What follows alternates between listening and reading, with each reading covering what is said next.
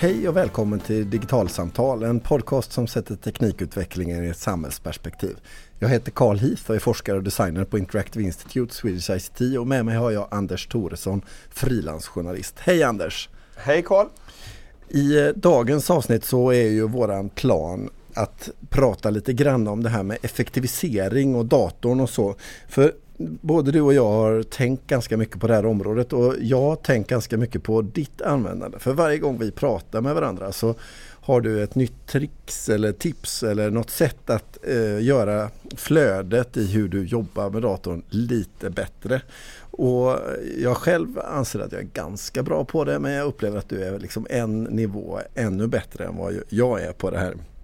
Mm. Och när man liksom tänker på det här med liksom effektivisering av datorn och när jag har förstått eh, liksom vad man kan göra på det här området så är det ju någonting som på ett plan angår alla som jobbar med en dator. Jag menar, både du och jag har ju skriv och tänk och eh, den typen av arbetsuppgifter där vi liksom lägger mycket tid vid datorn. Och det har väldigt många andra personer i samhället också, inte minst inom offentlig sektor.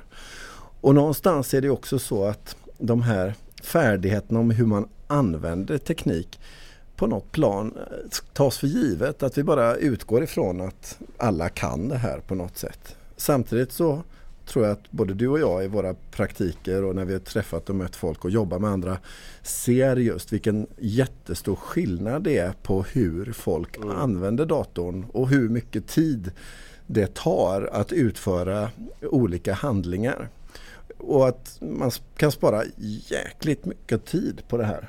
Så jag, min fråga till dig, det är liksom för, bara för att inleda det hela, det är liksom hur, hur ser du på det här med liksom datoreffektivisering överhuvudtaget? Och hur tänker du om din användning i relation mm. till den allmänna användaren om vi nu kan prata om någon sån? Mm. Alltså, jag kan ju börja med, alltså för mig handlar det här väldigt mycket om att, att jag jobbar som, som frilansjournalist. Jag var intresserad av det här eh, redan innan jag var anställd på, på ny teknik som jag jobbade på i början på 2000-talet. Men sen, sen, jag blev frilans så har det blivit ännu viktigare för mig. För mig handlar det liksom om att jag, jag vill ha så mycket tid som möjligt som jag kan ägna åt eh, artiklar eller andra uppdrag som jag faktiskt fakturerar för, drar in pengar till min firma. Och så lite tid som möjligt åt administration, åt idéarbete, åt inläsning och allting sånt här.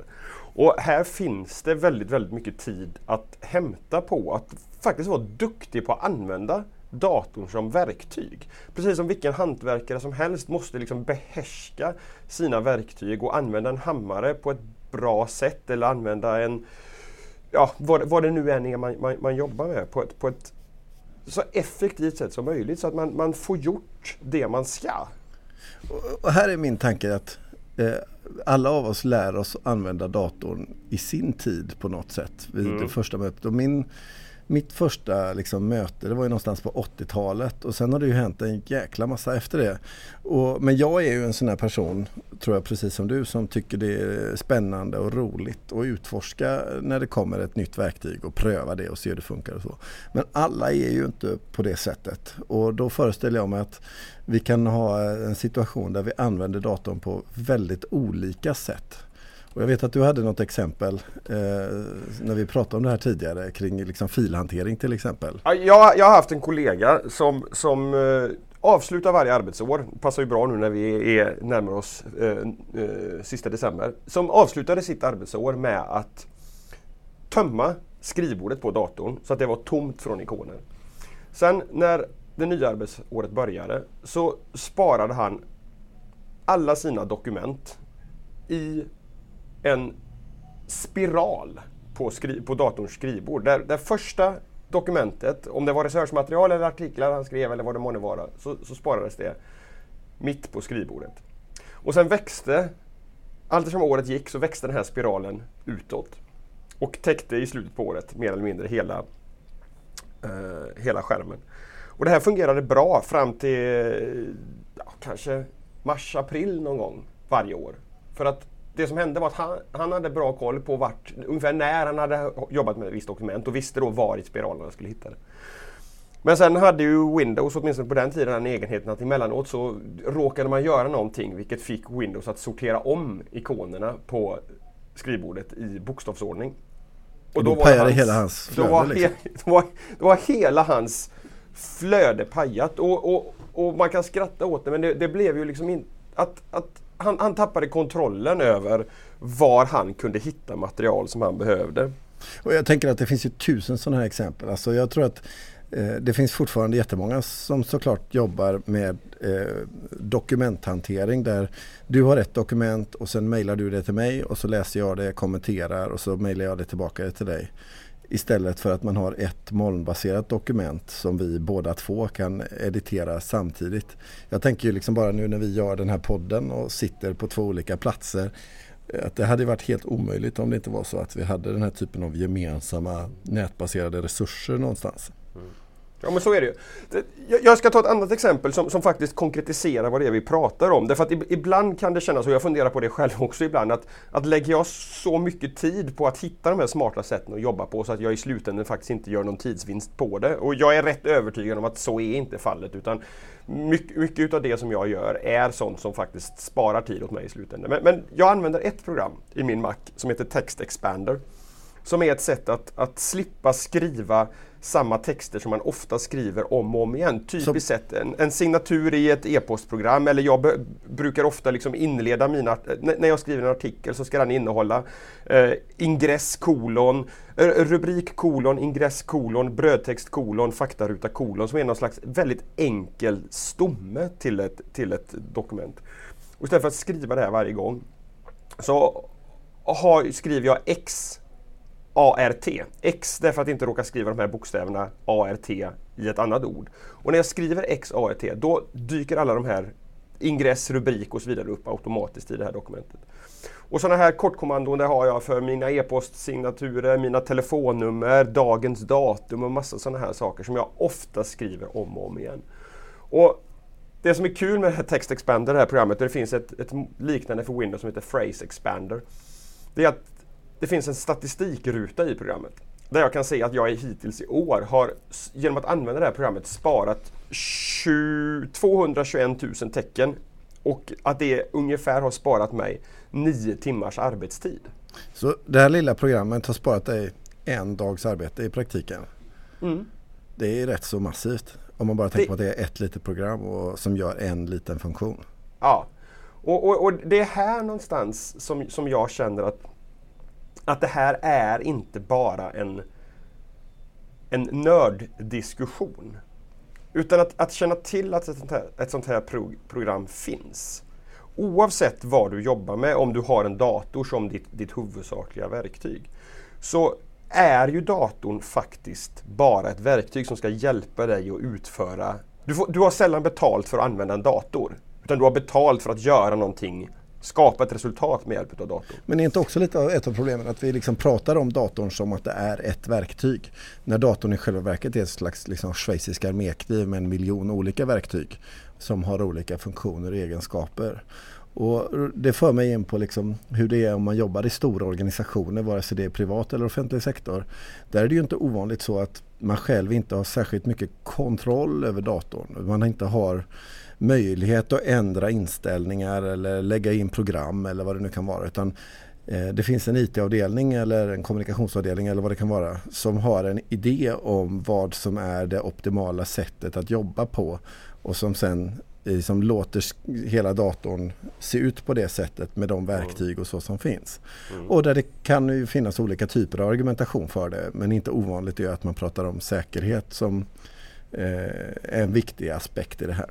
Mm. Men konsekvensen av det blir ju någonstans att om man är av uppfattningen att datorn innehåller många olika verktyg och där de olika verktygen i sig har olika syften och att det här är en ganska personlig grej. Vad som funkar för mig och hur mitt arbetsflöde är jämfört med ditt och sådär. Så blir det ju här problematiskt och kommer till att fråga liksom om vem har makten över hur din process går till. För jag menar om man skulle översätta det till den analoga världen så är det ju inte jättevanligt i varje fall att arbetsgivare bestämmer vilket papper du ska skriva på, vilken penna du ska ha eller vilken uh, liksom, uh, analog uh, kalender du ska ha utan du får välja på vilken kalender du vill så länge du håller tiden. Liksom.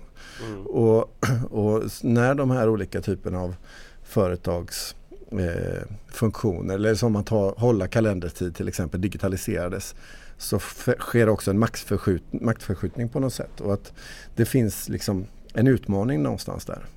Ja men det, det gör det och, och jag, jag, kan tänka mig att, att en, en modern IT-avdelning ska inte jobba så mycket med att, att bestämma exakt vilka verktyg som, som ska användas utan kanske snarare vara duktiga då på, för jag menar om, om, om jag i min enskilda firma Eh, sparar en arbetsdag per år genom att använda det här programmet. Och jag har ett antal andra sätt som jag jobbar på som vi kanske hinner komma in på också. Som, som säkert sparar mig ytterligare så att vi säkert är uppe i en, i, en, i en arbetsvecka insparad tid. Tittar vi då i en större organisation med många anställda, då, då är det plötsligt liksom, det är en ansenlig mängd tid vi pratar om som skulle kunna frigöras till annat. Bara de anställda får hjälp att lära sig använda datorn så effektivt och smart som möjligt. För att det kan ju inte vara så, tänker jag, att, att jag, menar, jag, jag, jag har varit teknikintresserad länge och tycker att det är, är, är, kul att hitta de här små smarta knepen. Och det gör jag bland annat därför att jag har blivit effektiv i min omvärldsbevakning genom att använda tjänster som RSS och Twitter på ett bra sätt. Så hittar jag hela tiden nya program och nya tjänster som hjälper mig att, att jobba smart på det här sättet. Men om du inte är intresserad av det här, vem ser då till att du faktiskt använder datorn på ett så bra sätt som möjligt. Och här tänker jag liksom att, att det finns så himla många saker vi gör med en dator som vi bara tar för givet att det här ska vi veta hur man gör. Men jag föreläser och utbildar folk i hur de ska ta hand om e-posten. Vilket är ett av de mest grundläggande basala verktygen som finns i en dator idag. Men där finns det liksom ett behov utav att bli utbildad i det och att lära sig hantera inflödet på ett sätt som man inte känner att man blir drunk, så att man drunknar i det. Och det är och, intressant när du nämner e-posten för jag tänkte just säga det om man nu ska liksom eh, ta några exempel från verkligheten på saker som liksom förändrar arbetsprocesser och flöden. Så en sak som eh, vi har gjort eh, i min studio här på Interaktiva i Göteborg det är att vi för något år sedan gick över till att använda Slack eh, som eh, verktyg in, för intern kommunikation istället för e-post. Så i praktiken så har vi avskaffat e-posten internt i vår egen verksamhet. Vilket får konsekvensen att, eller många konsekvenser, men en konsekvens är ju bland annat att e-posten det är någonting som jag har utifrån, utåt från organisationen medan jag in i verksamheten befinner mig i Slack. Så jag kan i tid och rum liksom dela upp aktiviteten, att kolla mejlen och att kolla Slack och få olika processer för det som tidigare var en process. Och vad som är spännande just med fallet Slack det är att det inte sorterar information som en fors baserad på tid utan sorterar information baserat på projekt och ger information till de som är i ett visst projekt vid en viss tid och så vidare och integrera med många olika andra tjänster och sådär. Men, men bara grundgrejen att jag helt plötsligt inte använder e-posten för intern kommunikation det förändrar mitt beteende mycket och gör både interak interaktionen internt i kommunikationen men också externt upplever jag betydligt bättre.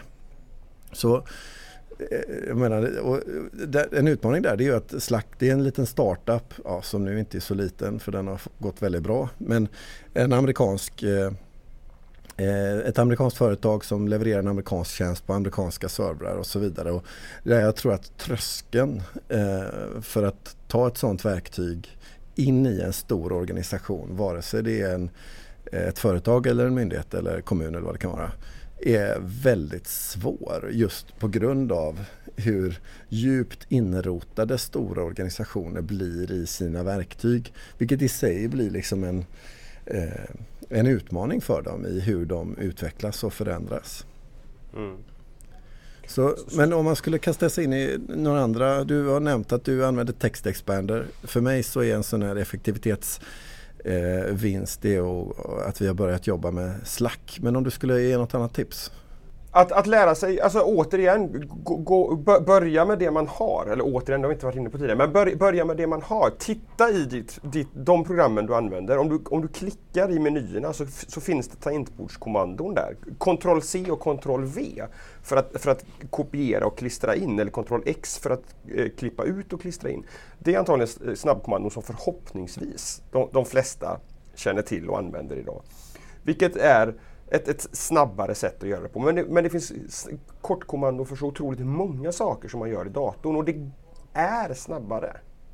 Att använda, jag, jag använder ett specialprogram för att, för att välja var på skärmen mina program ska vara så att jag enkelt kan ha ett program halva skärmen till vänster och ett annat program halva skärmen till höger för att kunna jobba med researchmaterial ena halvan av skärmen och det som jag ska skriva på andra halvan. Och istället för att behöva sitta med musen och pilla och, och, och flytta om det här så, så, finns det program och numera inbyggda funktioner i Windows för att automatiskt göra det här. Att, att, att hitta de här sakerna. Jag, när jag skriver mina dokument så använder jag inte Word utan jag använder ett textformat som kallas för Markdown som inte lämnar något utrymme för att i skrivprocessen börja hålla på och greja med vilket typsnitt ska jag använda? Ska det vara vilken så, storlek? Så vänta, ska... så vänta lite nu Anders. Istället för att du använder ett avancerat ordbehandlingsprogram som Word så mm. använder du typ Notepad. Är det så jag ska tolka det hela? Alltså någon sån här jätteenkel mm. textredigerare mm. så mm. du inte kan göra något annat än att bara skriva text. Mm. Jag använder ett, ett, program i min Mac som heter Ulysses. Men Ulysses. det finns motsvarande. Ja, vad, vad är grejen med och göra på det viset då? Ja, men grejen med att göra på det viset, det, det här, här, finns det två vinster. En vinst när jag, när jag skapar materialet, min, min artikel eller mitt, mitt researchmaterial. Därför att jag kan inte bli, liksom bli lockad att ägna mig åt att, att hålla på och pilla med typsnitt. Och, och, jag behöver inte markera och göra någonting större och fett och så vidare. Utan det här markerar man med, med enkla tecken istället i, i texten. Sen i andra änden så finns det också en fördel med det. Därför att det går väldigt enkelt att automatiskt skapa ett, ett HTML-dokument om jag ska publicera det på webben, ett Word-dokument om jag ska skicka till en redaktör, ett PDF-dokument utav samma material. Så att jag sparar också tid när jag, när jag sen liksom är klar med mitt färdiga material och ska publicera det någonstans. Uh, sen finns det en massa andra fördelar med det här också men det, men det kanske vi kan gå in på en, på en annan gång. Jag, det, det, finns liksom ingen inlåsningseffekt. Jag behöver inte vara rädd att, att mitt dokument inte ska kunna öppnas om, om tre år när jag behöver titta tillbaka på det för att det har hänt någonting med, med utvecklingen och så vidare.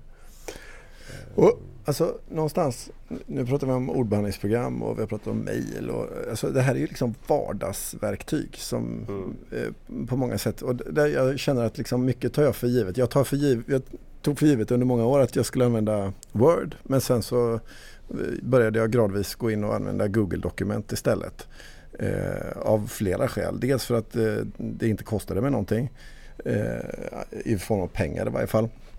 Och dels för att det var eh, nätbaserat och jag har tillgång till det på alla mina mojänger och dels för att jag kan dela det med andra. Och nu, nu har ju Microsoft sent om sidor kommit ikapp med Word och har en, eh, tycker jag, riktigt fin eh, nätbaserad Word-version. Eh, men, men det känns lite grann ändå som att liksom, har man lärt sig att jobba på ett visst sätt så har man liksom en liten tendens att vara kvar i det där och tycka att liksom det där nya, vad ska jag med det till? Jag tänker till exempel på mail. Alltså jag, själv så har jag en mailklient. Jag tycker om att ha den i, i datorn. Eh, Medan många som använder Gmail tycker att det är liksom alldeles tokigt att ha en klient. Utan man började använda mailen på nätet och så har man liksom fortsatt med det på något sätt. Eh, så att det finns liksom många personliga upplevelser om vad som är bra. Eh, men ganska lite generell kunskap om vad som liksom utifrån kan man säga mera objektivt perspektiv faktiskt funkar bättre eller så. Är, är mm. du med på den? Eh? Mm. Det är jag med på och, och, och så är det ju. samtidigt kan jag tänka att det finns också en poäng i att någonstans liksom bestämma sig för att det här är det programmet som jag ska använda. Det här är den tjänsten som jag ska använda och se till att lära sig använda den så effektivt ja, menar så att man liksom inte byter hela tiden? Ja men precis. Men, men det, det är kanske inte så stor risk att man, in, att man gör om man inte gör om man inte är, är väldigt liksom intresserad av det här. Men, men, men, men någonstans återigen så tycker jag att det här kokar ner till, till liksom de, ja, men, jag vet inte, ska man kalla det för stödstrukturer som måste finnas runt omkring oss som, som faktiskt på något sätt tar ett ansvar för att, att man lär sig att använda datorn på, på, på, bästa sätt. Alltså jag tänker dels har man faktiskt ett, ett stort eget personligt ansvar kanske faktiskt. Att, att se till att man lär sig hantera det verktyget som man får att, att, använda med, att jobba med. Men också att det finns ett ansvar för, för ja, men som vi var inne på, IT-avdelningar att inte, inte låsa ner och, och folla in eh, ja, eller kanske till och med liksom vara med och aktiva i den utvecklingen och själva driva på mm. ur liksom användarnas behov och perspektiv vad de har, vad de har för krav och möjligheter och så vidare. Mm. En annan sån här grej som för mig har liksom varit en game changer det har varit saker som till exempel delade kalendrar eh, som jag har använt nu i många år men som för många kan upplevas nästan lite obehagligt. Att, sådär att, men det faktum att jag kan se både min egen kalender, några av mina kollegors kalendrar och min sambos kalender och eh, kalendern för, som vi har i min familj för när vi använder sommarstugan på morgonen. Att kunna, eller, eh, sommarstugan på sommaren. Att, att kunna ha all den där informationen kalendariskt på samma ställe och kunna snabbt se när är det ledigt, när är det inte. Såna hämta och lämna på dagis med delade kalendrar och så vidare. Eh, ger ju enormt mycket effektivitet istället för att behöva liksom ringa och kolla och greja och dona och synka kalendrar fram och tillbaka och sådär. Och, och, men här finns det ju liksom inte bara tekniska utmaningar utan också liksom utmaningar i termer av beteende och hur man ser på sin tid och många mm. andra aspekter. Så att lite grann är det också så att många av de här verktygen inte bara skapar en effektivisering utan också ändrar lite granna på sättet som man jobbar och sättet som man interagerar med andra. Och kanske är det också det som är en av utmaningarna för varför vissa av de här förändringarna inte går så fort. Hur då tänker du? Jag, jag tänker att eh, om jag till exempel får en sån här magkänsla av att ja, men det här med dela kalender, det verkar läskigt. Tänk om alla andra kan se min kalender hela tiden, ja, vad skulle okay. det innebära? Eller liksom dela dokument, eh, men då, då, finns det ju ingen liksom, version som är den äkta utan då har ju alla tillgång till den. Att det finns liksom, det förändrar relationen mellan eh, information och det som skapas och de som använder informationen. Och, och att just den förändringen i sig självt eh, gör eh, att man känner sig liksom lite otrygg för att man måste liksom tänka på ett annat sätt om hur man jobbar och hur en vardag går till på något sätt. Jo men så är det ju säkert. Sen, sen tycker jag också det är intressant att liksom fundera på det här att, att vem, vem är det som tjänar på att, att du, du använder datorn och tekniken på ett effektivt och, och smart sätt. Och för, för mig, återigen då som, som är min egen, så, så är det helt uppenbart att, att den som tjänar på det, det, det, det är jag. Eh, men jag tänker att det är det även för en anställd. Att, att givetvis finns det liksom ett, ett organisatoriskt intresse i att Ja, men om, om, om alla anställda börjar använda Text Expander och, och vi, vi, pratar om, om tio anställda och alla tjänar in en arbetsdag på ett år. Då har vi plötsligt frigjort tio arbetsdagar Eh, i, i organisationen. Men, men det handlar också om att att för den enskilde att faktiskt på något sätt skaffa sig lite marginaler i sitt dagliga arbete också. Att, att, att få in lite luft i ofta en, en kanske pressad arbetssituation genom att inte behöva lägga tid på att hantera ditt verktyg utan få det som man behöver göra gjort så snabbt som möjligt och, och få tid att andas. Nej men verkligen. Och, och, om man tittar på det där med liksom skalningseffekter och datorer så är ju ett sådant perspektiv Eh, det, är ju liksom alla de här verktygen vi använder för vardagsadministration. Och jag tror det var i, i våras eller om det var i slutet på 2014 som det kom ut en bok av Anders Forsell och Anders Ivarsson Westerberg som heter Administrationssamhället. Där de har gjort tidsstudier eller refererat till tidsstudier och tittat på just liksom hur går det till när eh, folk administrerar saker i sitt arbete och skyfflar papper som det heter.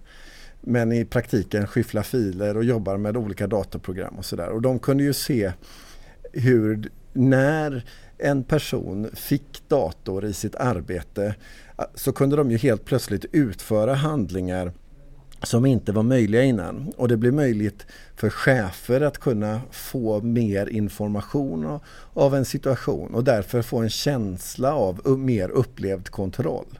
Och jag kan tro att många av de här programmen och IT-verktygen som många använder i stora organisationer, eh, offentliga och privata, handlar mycket just om att säkerställa saker, eh, få tydlighet, rapportera, eh, hantera olika processer som kanske inte med självklarhet är meningsskapande utan handlar om att ge en känsla av kontroll som inte med nödvändighet eh, representerar verkligheten. Jag är inte självklart säker på att alla de här rapporterna läses och alla statistiker som produceras hanteras och används för att fatta godare beslut och, och så vidare. Så jag tror att just när det kommer till liksom hanteringen av datorn och olika verktyg i en större sammanhang så eh, tror jag att det också har en tendens att addera på. Att man som organisation vill att det ska vara på ett visst sätt för att man har en känsla av att det är bättre. Men då som eh, Anders Forsell och Anders Ivarsson Westerberg är inne på i sin bok att det här faktiskt får nästan kontraproduktiva effekter eftersom att tiden man lägger på att administrera och hantera saker och ting med de här verktygen går ut över att faktiskt producera innehåll. Alltså lite mm. grann det som du var inne på inledningsvis här i dina egna processer och dina praktiker men liksom skalat på en mycket större skala och att det här finns ganska stora eh, summor att hämta in just inte bara för dig som individ utan också för hela organisationen och någonstans i slutändan också för hela samhället på det sättet att vi utnyttjar skatteresurser på ett betydligt bättre sätt eh, om vi skapar bättre och mer effektiva organisationer såklart.